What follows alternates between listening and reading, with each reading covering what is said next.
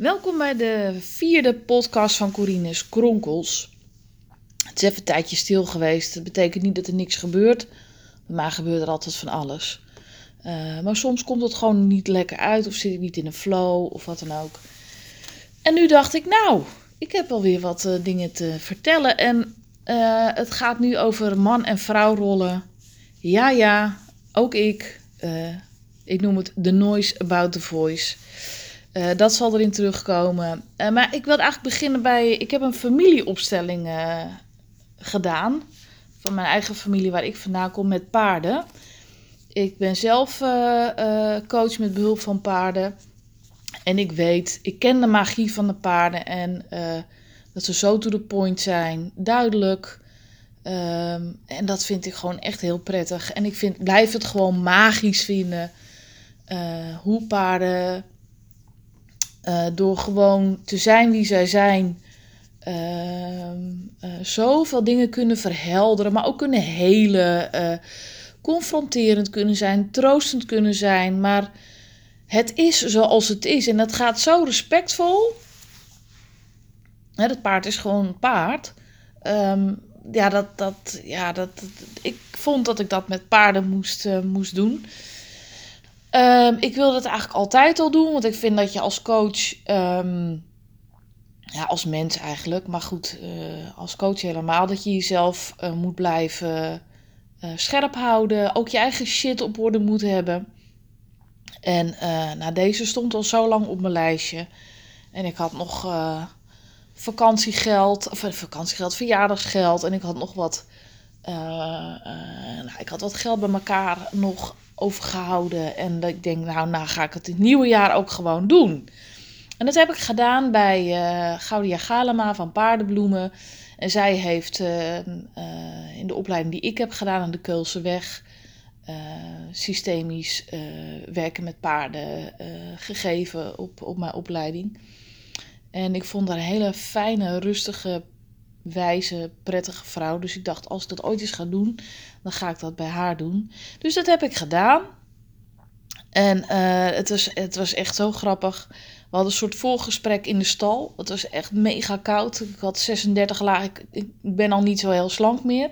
Maar nu was het net echt een Michelin-poppetje. Ik kon amper weer bewegen van al die lagen. Maar ja, ik denk, ik ga het niet koud krijgen. Um, dus we zaten daar in die stal. En op een gegeven moment, er waren allemaal dieren daar. Dat ik aankwam, was er een, een, uh, een kalkoen uh, heel hard aan het... Uh, uh, ja, tetteren noem ik het maar eventjes. Ik vind ze heel, heel grappig om te zien. Nou, er, was daar van alles kippetjes en ganzen, eenden, uh, nou, bambies. En um, we zaten dus voor te bespreken in die stal. En op een gegeven moment horen we een kat mouwen. En ik, ja, ik, ik mouw altijd terug. Ja, een beetje lui ben ik wel. Dat zal ook echt niet anders worden. Maar ik krijg heel vaak gewoon een reactie terug. En ik kan soms hele gesprekken voeren. Ook met andere katten dan mijn katten. Dus ik hoor die kat mouwen. Dus ik, ik, mouw terug. En er komt een zwart katertje echt aangerend. En koppies geven en rollen. En het was wel grappig dat Gaudia aangaf van...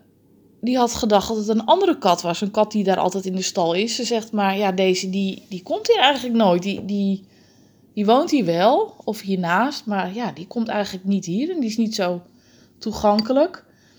En um, nou, ik zie ja, op de een of andere manier heb ik best wel vaak dat ik. Uh, ik heb altijd een goed contact met dieren, laat ik het zo zeggen. Ik vind het altijd wel heel grappig. Ik praat met ze of ik. Nou ja, ik geef aandacht aan ze en eigenlijk krijg ik altijd wel een reactie terug. Ook van de dieren die het allemaal een beetje spannend vinden of mensen niet zo, uh, niet zo fijn vinden. Dus ik vond dit wel een heel mooi begin dat zwarte katertje wat er aankwam huppelen. Nou, eigenlijk riep hij gewoon. Zo kwam het op mij over van. Uh, ja. Hij, wilde even gezien worden. Nou, dat heb ik gedaan. Um, en dat was gewoon super leuk. En toen zijn we inderdaad um, die opstelling gaan doen. Waren enorm veel paarden. En um, nou, ik wilde dat doen. Kijk, weet je, elke ouder uh, doet wat hij kan. Daar ben ik van overtuigd. Je doet wat je kunt binnen je mogelijkheden en je beperkingen. En er is, daar kun je van alles voor vinden. Um, Maar ja, het, het, gaat soms zoals het gaat. En, ehm, nou, en zo, zo, zo is dat natuurlijk ook in mijn gezin gegaan. Het was helemaal niet, ik wil helemaal niet dat ik het een, een slechte opvoeding heb gehad. Of dat mijn ouders het verkeerd hebben gedaan. Helemaal niet. Uh, maar ik merk wel dat ik bepaalde dingen doe omdat ik kom uit het gezin waaruit ik kom. En dat vind ik, uh, ja, dat vind ik ook fascinerend. Mede ook omdat ik zelf een gezin heb. En ik zie daar natuurlijk ook wel patronen in. Dat ik denk, oh jeetje. Ja, dan zie je dingen van jezelf terug of van je eigen gezin. Nou, mijn man die komt natuurlijk ook uit een gezin. En dat, ja, weet je, zo hebben we allemaal onze eigen dingen. En uh, ik, ja, ik had toch wel de behoefte om wat, wat dingen op een rijtje te zetten. En uh, ja, dat, dat, dat was magisch. En, er waren heel veel merries om me heen. Ik, uh, um, ik ben eigenlijk als kind had ik, ik liep altijd, toen ik vrij jong was, in plooierokjes, lakschoentjes, ehm, lange haren, blouses met roesjes. nou, zeg maar echt wel heel meisjesachtig, maar qua gedrag was ik wel jongensachtig. Um, ik had eh, wel meisjesvriendinnen, maar ik kon ook goed met de jongens mee. Um, ik, ja, er was altijd een soort dualiteit in. Dus heb ik, ik, ik voel me altijd een beetje uh, man en vrouw tegelijk of zo. En um, ik, ik vind mannelijke energie vind ik over het algemeen ja, prettig. Ik hou van een beetje dat kordate, um, doelgerichte. Um, en ik, in de loop van de tijd eh, ben ik wel wat meer de zachte kant gaan zien van mezelf en ontwikkelen. Want ik, ja, ik ben best wel een, een heks. Uh, maar wel een lieve heks. Maar ik, ik kan wel uh, behoorlijk kort door de bocht zijn. En tegelijkertijd kan ik ook weer heel zacht zijn. Maar ja, ik zit nu met mijn handen te bewegen. Dat zie je natuurlijk helemaal niet. Lekker handig. Um, ik heb mijn handen zijwaarts naast mij en als een soort weegschaal beweeg. Ik, ik heb dat altijd al gehad. En ik, hè, dat, is, dat is helemaal oké. Maar het grappige was dat je in zo'n familieopstelling kom je dus ook allemaal dingen ja, die dan naar voren komen. Ik werd omringd door merries. En, um, en op een gegeven moment, toen ik op mijn eigen plek uh, ging staan, Ehm, waar ik mezelf had neergelegd. Toen kwam er een, een ruin aan, dus een gecastreerd mannetje. En die begon een beetje naar te doen tegen mij. En dat, ja, ik heb daar, ja, ik vind dat op zich niet zo, niet zo drama, maar het was wel opvallend. En toen zei ik, oh ja, ja, mijn vader noemt me eigenlijk al zo lang als dat ik ken, noemt hij mij Kees. Uh, en dan uh, als in de jongensvorm natuurlijk. Um, en dat vond ik wel heel grappig. Uh, want mijn vader die heeft me vroeger dan leerde die me judo grepen. Hij leerde me voetballen met effect naar buitenkant schoenen, dat soort dingen. Dus e-, een beetje jongensdingen. En ik heb dat altijd gewoon heel oké gevonden. Ik heb wel heel vaak mijn geboortekaartje neergelegd van kijk, er staat Corine. Nou nee, er stond Cornelia. Dat vind ik dus ook niet zo bij me passen. Maar goed, het is wat het is. Um, Um, dus ik, ja, dat, dat Kees, dat is natuurlijk toch wel, ja, waarschijnlijk had hij graag een jongetje gewild. En daar ben ik me dan mogelijk, nou ja, uh, misschien ook wel nagaan gedragen. Ik weet het niet, maar ik bedoel, het voelt voor mij niet gek of raar of, of, of wat. En mijn zus is echt heel erg, uh, uh, ja, vind ik heel erg vrouwelijk. ook met make-up en... ehm Hoewel ze ook wel echt wel een bitchy kant heeft hoor. Maar die heeft ze echt wel moeten ontwikkelen. En uh, als je het even zwart-wit, mijn zus had heel lang blond haar en ik had heel lang heel donker haar. Uh, op het strand is er wel eens iemand naast die zei dan, uh, dat zal ik nooit meer vergeten, was ik echt nog een kind. Oh, jouw vader heeft zeker toverballen. Nou, dat is eigenlijk, als ik nu terugdenk, dat zeg je toch niet tegen een kind. Ik heb, maar het heeft wel indruk op me gemaakt, dus ik heb toch wel degelijk doorgehad dat daar wel iets, nou ja, mee bedoeld werd. Ehm dus ja, nou, dat, dat, dat um, jeetje, waar ga ik? Ga alle kanten weer op, hè. Ja, het is weer zover. Um, oh ja, dat zwart-wit, met qua kleur haar, maar qua, ook qua karakter, maar ook inderdaad qua meisje en jongen. Ik was elf en toen, uh, uh, toen ging ik naar de kapper. Ik had uh, lang haar en ik uh, was daar klaar mee. En ik ging naar, en ik had altijd al een moeilijke verhouding met kappers, want ik vond dat ze mijn haar nooit goed konden knippen. Heb namelijk een enorme kruin, ik heb er meer. Maar die heb ik aan de voorkant. Dus als ik dan een pony had, ging dat natuurlijk scheef. Dus ik zei altijd niet nat knippen. Nee hoor, hup. En dan kwam die spuitbus weer en dan zat ik weer en had ik weer een scheve pony. En dan ging ik het echt mijn hele kamer afbreken, want ik vond het echt zo fucking irritant dat er gewoon niet naar me geluisterd werd, als kind al niet. Goh, hoe zouden mijn kinderen toch aan dat gedrag komen? Ik weet het werkelijk waar niet. Nou goed, dat dus. Jezus, ja. Ehm, maar ja, dus dat, dat paard dat, dat, dat uh, ging opspelen toen. En toen had ik het dus over inderdaad, mijn vader mij Kees noemde. En dat ik daar, uh, ja, nou ja, ik heb dat nooit als vervelend ervaren of zo. Um, en ik denk ook wel dat ik mij, uh, dat ik wel ook wel wat meer jongensenergie heb gehad. Maar dat is niet altijd geaccepteerd. Dat is de andere kant ervan. Dat klinkt gek.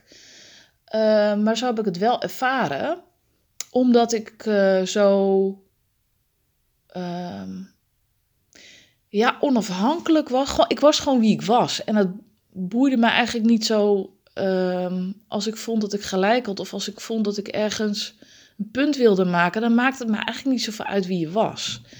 Ehm, en dat heb ik nog steeds. En dat hebben mijn kinderen ook. En ja, dat is niet altijd even handig. Aan de andere kant denk ik, ja, het is ook wel weer een mooie eigenschap. Want dat uh, man en vrouw, uh, ja, je moet je dan gedragen als een meisje of zo. Ja, dat had ik gewoon niet. Ik zag eruit als een meisje. Uiteindelijk niet, want ik heb mijn haren... Oh ja, dat was het. Ik was naar die kapper geweest. Ik zeg, ik wilde helemaal kort. Toen werd ze helemaal zenuwachtig. Toen was ik elf, hè. Ja, en... Uh, ja, zou ik er niet eerst een vlecht maken? Ik zei, nou, knip het er gewoon af. Ik zei, ja, eh, als jij een vlecht wil maken, dan maak je een vlecht. Dat was ook zo grappig. Ik had daar zelf geen moeite mee. Die kapster ging gewoon echt heel moeilijk lopen doen. Dus toen heb ik een vlecht mee naar huis gekregen. Die heb ik in mijn laag gedonderd. En die heb ik, uh, weet ik veel... Dat ding heb ik gewoon uiteindelijk weggegooid. Ik had daar zelf niet zoveel mee. Ik stond erachter, haar moest eraf en klaar. En ik had een bril en ik zag eruit als een jongetje. Ik werd ook vaak aangesproken als een jongetje. Um, en dat vond ik dan weer raar, omdat ik dacht van hoezo? Um, dus ja, ja die, dualiteit, die, die, die, ja, die heb ik altijd wel gehad. Um, ja, en dat, daar, daar, daar, daar is niks, niks mis mee. Um, maar wat ik vertelde over dat ik als, als kind ook al wel heel sterke, een sterke mening had en ook een hele sterke wil. En, um, en dat is eigenlijk altijd zo gebleven. Maar op de een of andere manier heb ik dat altijd raar gevonden. Dat als ik zeg maar mannelijk gedrag vertoonde, dat ik daarop afgerekend werd. Maar, uh, en dat je dan in een soort vrouwenrol werd ge, ge, ge, geduwd. Um, want dat hoorde dan bij, want je bent een vrouw en dan moet je je vrouwelijk gedragen. Wat dat, en, nou ja, dat, ik heb er altijd heel erg mee geworsteld. Um, ook in mijn werk. Ik, heb, uh, ik was heel jong dat ik fulltime ging werken. Ik was 17. Ik, heb, uh, ik was een vroege leerling. Ik uh, kon redelijk makkelijk leren. Maar ehm, ik was heel erg gevoelig voor uh, wie er les gaf. Op wat voor manier. Sommige dingen was ik heel goed in. En sommige dingen, daar ging ik de discussie over aan. Want dat kon ik gewoon niet wiskunde x is 4, dat heb ik nog steeds. Ik kan daar echt helemaal niks mee. Nou, um, dus ik snap heel goed waar mijn kinderen af en toe tegenaan lopen. Alleen zijn niet gelukkig wel goed in wiskunde. Ik, ik ben enorm afgehaakt. Um, um, maar als, ja, ik ben dus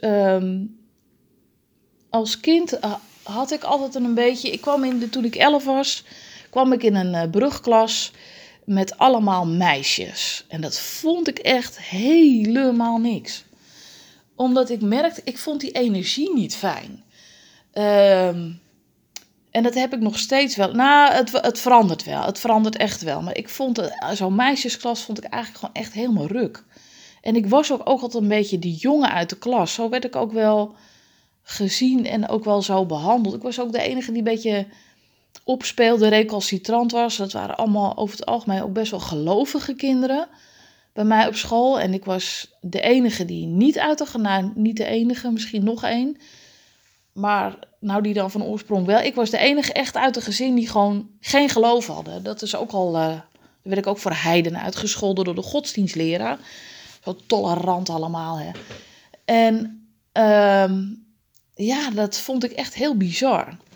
Dat ik dat, uh, nou, ik, ik, ja, ik voelde me daar gewoon niet prettig bij. En um, toen later, uh, toen ik wat ouder werd en ik, ik heb ook altijd allerlei baantjes gefixt. Ik, wat ik wilde, dat lukte gewoon. Ik ben een enorme jobhopper geweest. Ik was dus 17 dat ik fulltime ging werken, want ik had, nou, ik had de HAVO gedaan en uh, daarna heb ik een particuliere school gedaan, een hoostersopleiding. Um, over vrouwelijk gesproken.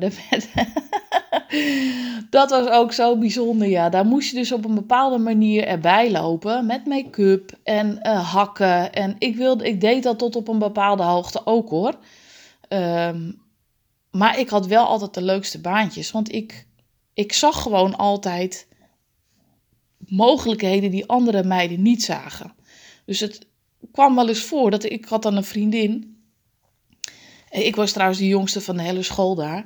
Uh, ik had een vriendin, die was een paar jaar ouder. En uh, Annemarie heette ze. En uh, nou, die stond dan op een gegeven moment, hadden we even een of ander evenement. En dan stond zij af te wassen achter de schermen, zeg maar. Met haar, met haar blazertje aan een, een haakje. En ik had gewoon alleen maar leuke dingen.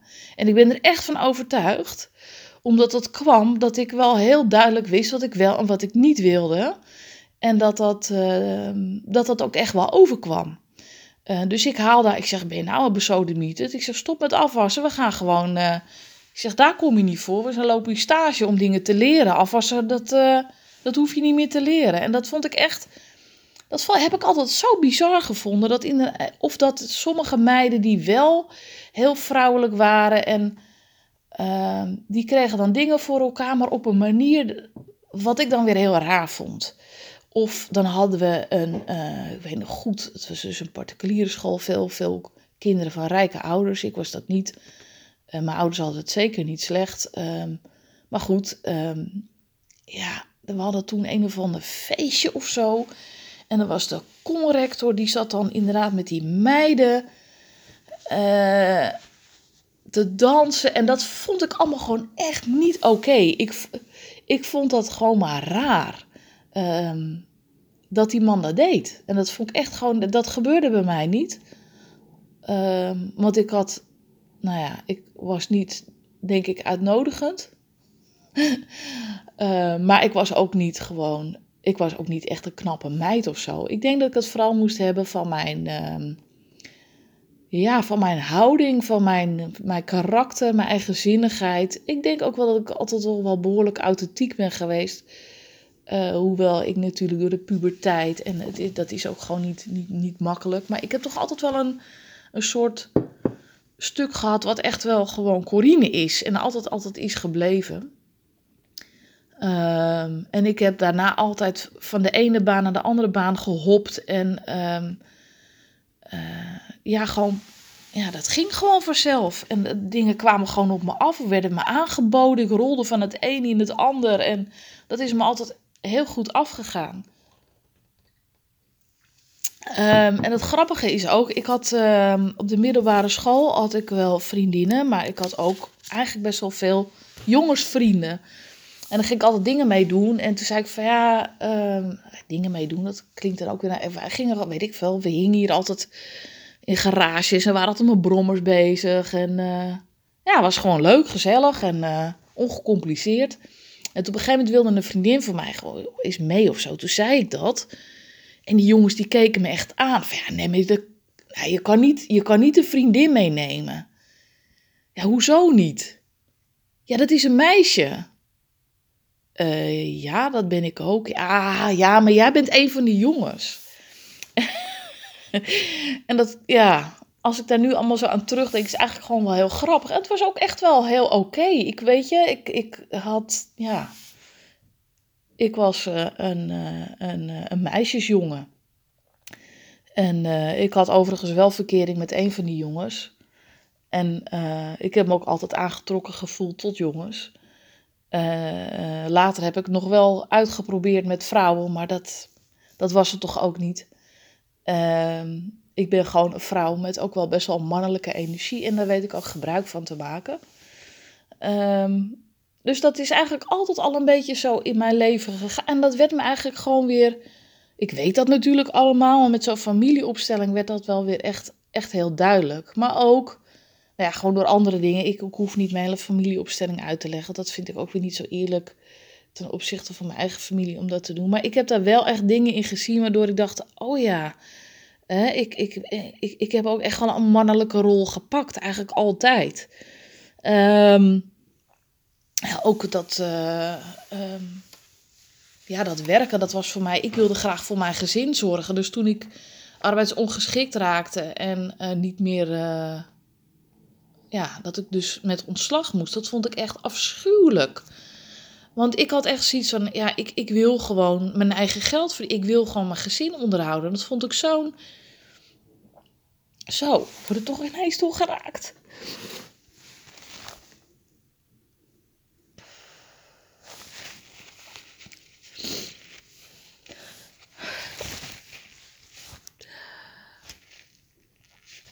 Nou zeg.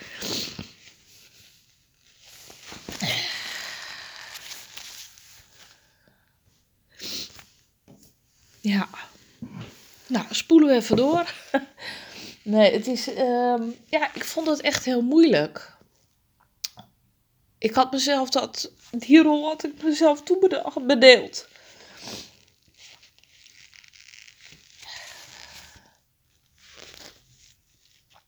En dat viel weg. En daar heb ik gewoon ook weer een draai in weten te, uh, te geven. Jeetje, nou die kwam even binnen zeg. Nou, en dat snap ik ook wel weer. Nou, zo zie je maar weer zo'n familieopstelling. Dat haalt van alles los. En dat, weet je, ja, er hoort soms ook verdriet bij. En dat is niet erg. Ik, ik word wel echt een beetje van die jank-podcast. Laatst zei iemand nog, kun je niet weer eens een podcast opnemen? Is dat zo lachen met jou? Helaas, het is weer janken. Is niet erg. Ik bedoel, ik vond het gewoon echt een pittige tijd. En ik heb daar echt, uh, want ik, ja, ik werd echt wel weer in die zorgrol kwam ik terecht. En dat, heb ik, dat vond ik heel moeilijk. Vind ik nog steeds soms heel moeilijk. En um, ja, ik, ik, ik doe natuurlijk wat ik kan. En soms vind ik het gewoon echt wel heel moeilijk. Omdat ik best wel pittige kindjes heb. Ik snap echt geen idee hoe dat komt, van wie ze diegene hebben. Oh lord, ja. Nou, dat was dus ook een van de redenen om zo'n familieopstelling te doen. Omdat ik... Um, ja, sommige patronen die mogen ook wel weer eens doorbroken worden. En ja, weet je, ik wil ook gewoon dat mijn kinderen het ook gewoon zo goed mogelijk hebben. En um, ja, dat, dat helpt ook gewoon als ik hè, door zo'n familieopstelling ga je kijken naar hoe dat gewoon binnen jouw gezin gaat. En hoe je je tot elkaar verhoudt zonder dat dat goed of fout, weet je, dat is er gewoon niet. En daarna wordt alles weer in een uh, natuurlijke ordening gezet. Um, en dan voel je energetisch ook dat die energie verandert. En dan kun je denken, jezus, wat een zweverige shit. Ga maar eens doen. Er is echt zo niks zweverigs aan. Het is echt met beide benen op de grond. En, nou, en dan een heleboel hoeven in mijn geval erbij. En het was prachtig. Um, en confronterend en helend en bijzonder, intrigerend. En ik ben daar nog niet mee klaar voor mijn gevoel. Misschien wil ik ook gewoon mijn eigen gezin nog wel eens een keer uitzetten. Maar voor nu ben ik hier nog wel eventjes uh, gewoon op aan het teren. En ik vind het eigenlijk ook wel heel mooi.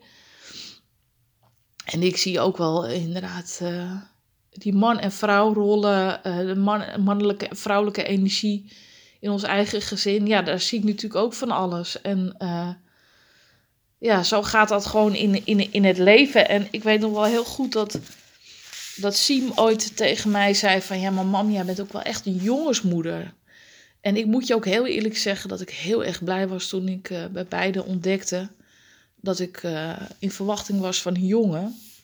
ja, ik weet niet waarom. Ik, ik kom dus zelf, ja, ik heb zelf een zus en daar is helemaal niks mis mee. Maar ik weet wel dat we vroeger altijd tegen zeiden van, oh, we willen zo graag eigenlijk een broertje erbij. Ehm, en ik weet niet meer of dat nou meer van mij of van mijn zus of van ons allebei kwam. Maar ik merk wel dat ik altijd toch de behoefte heb gehad aan mannelijke energie. En ehm, ja, nou ja, dat zie ik ook in het coachen. Ik, werk, ik coach met paarden. En er zijn heel veel paarden waar ik mee kan coachen. En ik voel mij gewoon het lekkerst tussen de Friese mannen. En ehm, het is gewoon zoals. Het is ook het. Uh, ja, de energie vind ik gewoon prettig. Het is duidelijk. Het is ja, ik vind het zelf veel rustiger, stabieler vind ik het. En dat vind ik wel heel, heel erg fijn. Hoewel met de gemeente kudde coachen is ook echt heel bijzonder en leuk. En zeker als ze veulens meedoen, dat, dat, dat, ja, dat is ook echt bizar mooi. En ik word altijd wel heel erg geknuffeld door de merries. Dat vind ik ook echt heerlijk. En het grappige was in die familieopstelling, um, was er één merrie die mij meteen opviel. Dat was een, een Friese merrie. Toen ik aankwam stonden alle paardjes, nou niet allemaal, er stond nog een deel achter, stonden allemaal netjes op een rijtje. En één paard stond met haar kont richting de kont van de andere. En ik moest, en ik dacht meteen, ja, zij. En ik moest ook lachen. Ik zeg, oh, nou, ze doet me wel een beetje aan mezelf denken. Altijd met die kont tegen de krip. Altijd weer net even anders. En zij was ook degene die mij kwam, eh, kwam steunen. Die ook echt heel zacht, ehm, maar toch duidelijk uh, met haar hoofd over mijn schouder was. En toen er dus zo geharrewar was met die merries en, en die ene ruin. En toen het allemaal een beetje, toen dus wat dingen had verteld en dingen op zijn plaats vielen. Kwamen er daarna ook twee zwarte Friese ruinen aan. En ik zei meteen, oh hè, hè wat lekker zeg, die energie. En dat was zo grappig, want het waren dus inderdaad uh, twee mannen die de, die de baas waren. Maar dat was wel weer een hele mooie. Die stelde ook heel kort, duidelijk orde op zaken. En daarna was het ook gewoon weer goed. Toen werd er weer gekriebeld met de merries. En ja, toen was het gewoon weer in harmonie. Dus die mannelijke en die vrouwelijke energie van mij, die, die, die, ja, waar ik soms een beetje mee worstel. Uh, ja, daar mag wel eens wat meer in balans zijn. Ik ben af en toe ja, echt wel heel kort door de bocht. Af en toe ben ik ook echt ja, kan ik ook echt wel heel moeilijk doen. En dat mag wel eens wat meer, uh, wat meer in, in balans zijn. En daarnaast liep natuurlijk de noise about the voice. Ja, ik, ik heb dat gezien en um, ja, ik vond dat gewoon echt heel bijzonder. Want als ik terugdenk, ik vertelde net van ja, ik, ik was niet zo uitnodigend. Uh, nee, dat klopt, maar dat betekent niet dat ik uh, niks mee heb gemaakt qua seksuele intimidatie. Sterker nog, ik heb daar veel te veel van meegemaakt. Zelfs ook binnen een relatie, of misschien eigenlijk wel twee relaties. En daar ben ik, daar ben ik nu helemaal oké mee hoor. Maar dat heeft wel echt. Dat heeft wel heel veel impact gehad op mijn leven. En ik ben me altijd heel bewust geweest van wat er, al, wat er gebeurde tussen mannen en vrouwen. En uh, op het moment dat ik daar uh, bijvoorbeeld, hè, toen ik wat jonger was, uh, dat er een jongen was die, die, die mij echt geprobeerd heeft wat aan te doen. Die heb ik echt een enorme trap op zijn knie gegeven, zodat hij me niet meer achterna kon komen. En ik had dus heel veel mannelijke vrienden. En dat is echt wel een dingetje geweest. Toen ik daar dus over begon, dat ik dat niet oké vond. Dat, ik die gasten knieën eh, een flinke jetser heb gegeven. Um, daar, daar, was wel een mening over, um, over, over mij en niet zozeer over hem. En dat, dat, dat heb ik altijd heel bizar gevonden. Um, ook binnen mijn eigen vriendenkring en mijn beste vriend, die daar toch ook een beetje alsof, ja, het voelde bijna alsof ik iets had, ergens om had gevraagd, iets uitgelokt had of wat dan ook. En ik ben altijd blijven geloven dat dat niet zo was. Het was ook gewoon niet zo. Maar het is wel echt heel bizar wat er dan gebeurt. Um, nou goed, ik, ik heb meerdere keren in mijn leven echt wel dingen meegemaakt die, ja, die gewoon echt niet oké waren. Uh, en, daar, ik, ja, en daar, heb ik, daar heb ik best wel lang mee geworsteld. Um, en, en dat heb ik ook weer een plek kunnen geven. En ik vond het wel heel bizar um, om te zien dat zo'n John de Mol dan ook zegt van, maar waarom trekken die vrouwen niet aan de bel? En ik snap het, hè, want die man die, die, die leeft in zijn eigen wereld. En dat is een wereld op zich. En die man staat niet met twee benen op de grond. Want die is al zo lang rijk. Die is zo lang gewend om de baas te zijn. Letterlijk en figuurlijk, denk ik. Ehm, dat die man ook niet meer met een open blik kijkt en ziet. En dat mensen zich ook aanpassen als hij er is. Ehm, en ik snap echt wel dat mensen zeggen: ja, waarom zeg je dat niet eerder?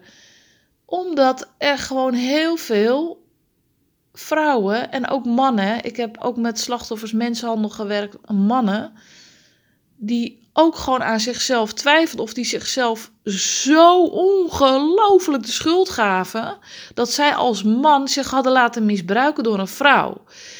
dat kon in, en dat, zo kijken mensen er ook tegenaan. He, dus mensen gaan eerst aan zichzelf twijfelen. Wat heb ik verkeerd gedaan? Heb ik aanleiding? Heb, eh, heb, waarom heb ik niet geschreven? Waarom niet geknokt? Waarom heb ik dit niet? Waarom dat niet? Hetzelfde heb ik ook gehad. Eh, gewoon notabene in een relatie.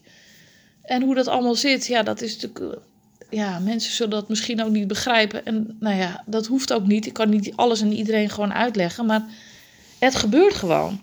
er zit zoveel schaamte bij dat je denkt, ook ik. Ik bedoel, ik ben echt wel een hele pittige tante. En toch is het me gewoon nog een keer gebeurd. de eerste keer kan ik helemaal in context plaatsen hoor. Ik, ik, ik, uh, ik wilde gewoon echt heel graag uit huis. En ja, ik wilde gewoon graag op mezelf. En ik had een relatie met die jongen. Nou, dat was echt niet best. Maar goed, dat zag ik op dat moment niet. Ik wilde weg. En um, nou ja, goed, hij had. het was, mijn moeder zei, noemde dat het lijkt wel ontwikkelingshulp. Nou, dat was het ook wel. Dan kwam het echt wel. Nou, een gezin waar gewoon ook niet veel stabiliteit was. En waar. Ja, het was. Er was veel armoede, maar ook door. Ja, het was gewoon, het was gewoon, het was gewoon een ASO-familie. Ik kan niet anders om, omschrijven. En ik wilde hem gewoon heel graag helpen.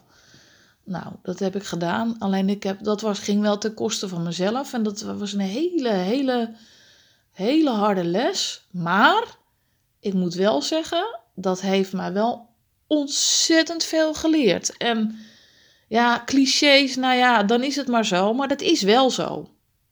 En dat neem ik nog altijd mee. Uh, ja, ik had het liever niet meegemaakt. Maar ja, het is zoals het is. Terugdraaien gaat ook niet. Ehm, en dat is ook wel echt een hele bizarre tijd geweest. En, maar dat, heeft, dat heb ik heel lang bij me gedragen. En niemand wist eigenlijk precies wat er allemaal exact gebeurd was. Dat heb ik allemaal later pas verteld. En er, was één, toen ik, één iemand wie ik echt toevertrouwde om daarover te praten. Ook omdat er echt bizarre dingen zijn gebeurd. Dat ik dacht, dat gaan mensen toch nooit geloven. Of die kunnen dat niet aanhoren of die kunnen dat niet dragen. Dat vond ik ook. Ik dacht van ja, als ik dit allemaal ga vertellen, ik moet wel iemand hebben die dat, die dat kan dragen of zo. Die dat kan aanhoren zonder verslag te zijn of een mening. Of hè, die kan luisteren. En nou ja, die had ik gevonden en daar ben ik hem nog eeuwig dankbaar voor. Uh, ja, dat had echt wel impact op mijn leven. En, uh, en dan kijk ik naar zo'n John de Mol en nog meer. Ik, ik, die mensen leven niet meer in uh, het leven voor hun. Alles is maakbaar. Die hele televisie, überhaupt. Maar die hele televisiewereld. Het is allemaal gewoon één grote. Ja, net zoals de horeca. Ja, ik kan, het is allemaal zo'n soort opgeklopte dikdoenerij, gezelligheid, mooidoenerij.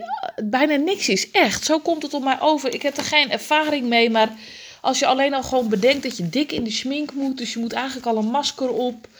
Um, ook bij zo'n voice, dat vond ik ook wat zo irritant. Als ze dan van die filmpjes maken, als ze opkomen. Dat er dan ook altijd weer van die gebaartjes bij met van die, van die, van die veegebaren met die tong uit de mond. Dat ik ook dacht van, wat, wie bedenkt dit? Wij kunnen dit, dat zijn toch niet allemaal mensen die dat zelf bedenken? Of dat je dan moet, een beetje moet gaan lopen dralen en moet gaan draaien of heel hysterisch moet doen ik heb dat toch altijd een beetje gek gevonden. En dat die man zei van ja, waarom trekken die vrouwen niet aan, uh, aan de bel? Uh, en iedereen valt over hem. En, en ook terecht hoor. Aan de andere kant denk ik, die man die ziet het echt gewoon niet. Hij ziet het gewoon niet. En um, er zijn gewoon natuurlijk, maar niet alleen daar hè. Het is gewoon overal. In de, in de sportwereld. Het is op scholen. Het is ook in de kerk. Ook de gelovigen. Want daar, dat vind ik ook nog wel een dingetje. Um, ja, er zijn gewoon machtsposities. Of je nou man, vrouw, hè, fysiek sterker, maar ook uh, als geestelijke. Hè, um, um, ik heb ook wel eens uh, in, in een. Um, ja, dat was een soort therapeutische gemeenschap. Nee, daar heb ik zelf niet gezeten. Maar wij waren daar met. Uh, tijdens mijn hulpverlenende opleiding had je persoonsgerichte trainingen. En dat duurde dan een week. En dan zat je in een of andere ja, uh, alternatieve uh, gebeuren werd dan gehuurd. En wij waren daar gewoon als groep met onze eigen docenten. En dat, nou, dat was allemaal wel echt super bijzonder. En daar heb ik ook nog steeds wat aan. Maar wat ik daar ook heel bizar vond, wat ik nooit meer zal vergeten, is dat er op een gegeven moment was een soort leefgemeenschap. En uh, iedereen knuffelde dan met elkaar. Nou, op zich was ik niet zo van het knuffelen, dus dat vond ik al vrij snel klef. Maar wat ik ook zag, is dat er vrouwen tussen zaten die ik heel kwetsbaar vond. Dat was voor mij bijna een neon erboven, misbruik mij. Gewoon zo kwetsbaar. En dan zag ik van die vieze geile kerels, ja, ik kan, sorry dat ik het zo zeg, over die vrouwen heen, dat ik dacht, wat gebeurt daar? Dit voelt niet goed, dit is niet oké. En die vrouw was daar dan om te helen. Nou, ik heb later uh, boeken gelezen van Christine Pannenbakken, waar onder andere deze, ook, deze organisatie ook naar voren kwam. Uh, daar zijn gewoon echt niet zulke frisse dingen gebeurd. En inderdaad, um,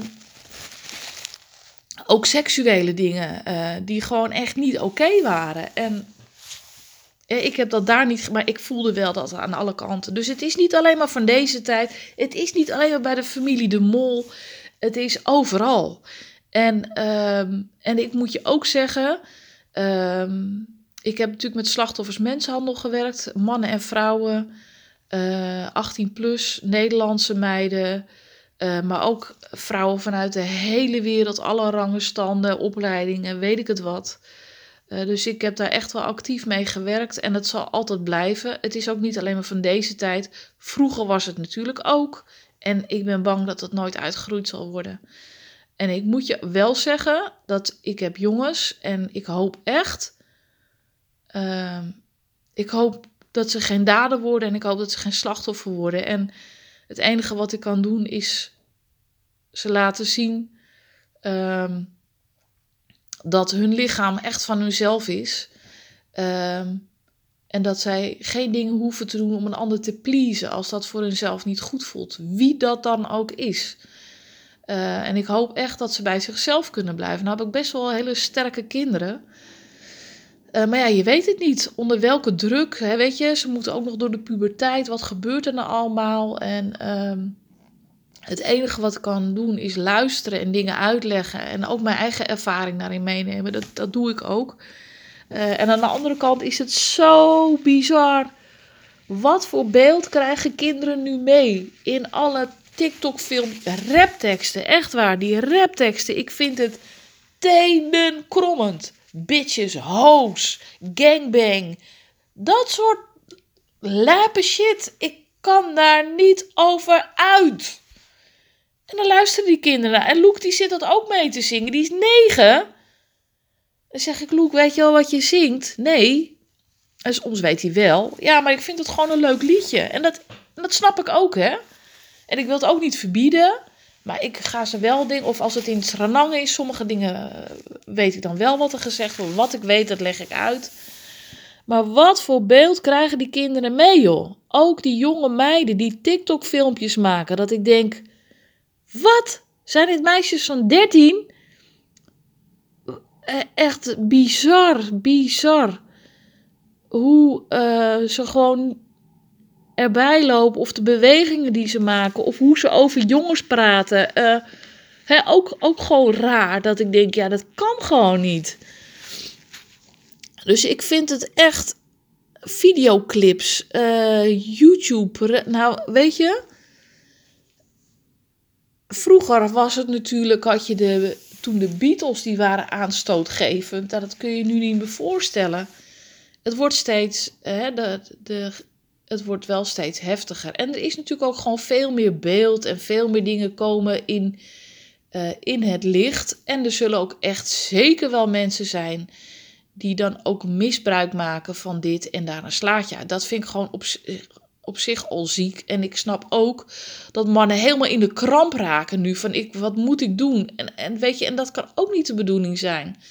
Maar ja, we mogen er best wel eventjes bewust van zijn. Uh, dat mensen, gewoon mensen, hebben grenzen. En het beste wat je kan doen voor jezelf is je eigen grenzen weten en die bewaken. En dat je ook de grenzen van de ander herkent en die ook respecteert. Dat is het. En in het coachen, ik zie zoveel mensen, en die zijn echt al flink op leeftijd ook, die gewoon hun eigen grenzen niet meer weten. En dat is echt tricky. Ik heb laatst ook iemand gecoacht waarvan ik echt zei: Ik weet niet of deze manier van coachen wel oké is voor jou. Is de tweede keer trouwens dat wel gezegd. Maar bij deze man, vond ik dat ook echt, omdat ik vond hem zo kwetsbaar. Alles wat, ik, hè, alles wat er gebeurde of wat er naar voren, dat nam hij zo in zich op voor waarheid. Dat ik ook zei van, goh, ehm, maar als, dat, als jij bij iemand terechtkomt die daar verkeerde bedoelingen mee heeft, jij, je weet gewoon bijna niet meer waar jouw eigen grenzen zijn. En dat, ja, dat moet, dat is gewoon nou, dat vind ik heel eng om te zien. Uh, dat maakt mensen kwetsbaar. En dan zou je denken van ja, die zijn al op een bepaalde leeftijd dat het gewoon nog lastiger wordt om dingen weer aan te leren hè, of af te leren. Dat die hebben zichzelf gewoon, om wat voor reden dan ook, uh, vanuit een bepaald mechanisme, hun grenzen gewoon zo laten varen dat gewoon niet meer weten. En die hebben daar ook last van. Um, en aan de andere kant zijn er ook weer kinderen die wel heel goed zijn in hun grenzen bewaken. En dat vind ik prachtig. Ehm, en ik vind het gewoon, ehm, ja, ik vind deze tijd, uh, daar kun je heel veel uh, mensen kun je tegelijkertijd informeren. Maar ik denk dat een heleboel valt er staat bij mij als opvoeder om te laten zien, uh, ten eerste ook waar mijn grenzen liggen en dat die ook gerespecteerd moeten worden. Um, en ook om kinderen te laten zien, laten voelen dat er grenzen zijn en dat je die mag bewaken. Um, en, en daar moet je zelf een goed voorbeeld in geven. Uh, en dat is echt lastig. Dat is echt lastig. Want je kan natuurlijk alleen maar mannen en vrouwen. Maar ja, als het je niet geleerd is of je krijgt een goed voorbeeld. En alle beelden om je heen uh, geven tegenstrijdige signalen. Ja, dan wordt het ook wel steeds moeilijker. Uh, dus we moeten allemaal, denk ik, hand in eigen boezem steken. En proberen, want goed, goed uh, voorbeeld geven, uh, voordoen, nadoen. Ja, daar, daar zijn onze kinderen bij gebaat. Ik moest, ja, weer even een klein, weer een zijpaadje, 1001 denk ik. Ik had, af en toe val ik in als plein, plein wacht, overblijfmoeder. Ik weet niet eens hoe het echt heet. En ik was gisteren bij zo'n kleuterplein en dat vond ik zo grappig. Ik ken die kindjes niet, want wij zijn dus pas net op deze school gekomen. Dus ik, ik, hè, ik, ik weet een heleboel uh, mensen en kinderen ken ik gewoon ook niet. is ook niet erg. En er stond op een gegeven moment een meisje die had een regenboogjas aan en die had een vraag. En toen zei ik van, wat is een regenboogprinses? En ze kijkt me aan en ze zegt, ik ben geen prinses, ik ben gewoon mezelf. Toen zei ik, wat een goed antwoord, je hebt ook helemaal gelijk. En dat vond ik zo. En toen vroeg ik haar naar haar naam en uh, zeg, zullen we een rondje lopen? Ik zei, ja, dat is goed. Nou, toen had ze de verhaal gedaan over verjaardagen en feesten, wat voor lekker. En daarna ging ze weer haar eigen weg. En ik kon, ik vond het fantastisch, dat antwoord. Ik dacht van, juist, zo, dat is een mooi krachtig kind. En ik hoop dat ze ook echt gewoon die kracht houdt en blijft. En ik zou tegen die moeder en vader willen zeggen, jongens, dat hebben we toch echt goed gedaan hoor. En weet je wat ook zo mooi was? Eh, daarna werden ze binnengeroepen door de juf. En dan hebben ze een soort liedje en dan gaan ze stampen. En toen renden ze uit de rij. Toen zei ze, mag ik nog even een knuffel geven? En die heb ik gegeven. En dat vond ik zo schattig. Dus weet je, er zitten ook gewoon echt... Ja, dat, dat gaat ook bij een hele hoop kinderen en mensen goed. En daar ben ik ook echt heel blij om. Het enige wat ik zeg, kijk naar jezelf. Kun jij je eigen grenzen aangeven? Kun je ze ook bewaken? En uh, hoe doe je dat? Uh, wat voor voorbeeld geef jij aan je kinderen? En hoe ben jij op je werk? Uh, nou, dat. En er is nog duizend en één dingen, valt er nog erover te vinden en te zeggen. Maar ik denk dat ik het hierbij laat. Um, nou, ik heb weer lekker vollopen ratelen. Ik heb, ben weer 36.000 zijtakken ben ik geweest. Maar ja, ik vind het ook leuk als je een reactie achterlaat of een berichtje stuurt. Of, uh, nou ja, weet je, ik zit op Facebook, op Instagram. Corine van Steeg. Mijn bedrijf heeft Paard aan Zet. als je het leuk vindt om, om eens te kijken. Ik schrijf regelmatig stukjes over dingen die ik meemaak, ook als ouder met mijn kinderen, met mijn dieren, met mijn man, nou ja, met mijn gezin. Um, vind ik gewoon leuk. En um, nou ja, tot de volgende keer hoop ik. Alle goeds en bewaak je grenzen. Doei!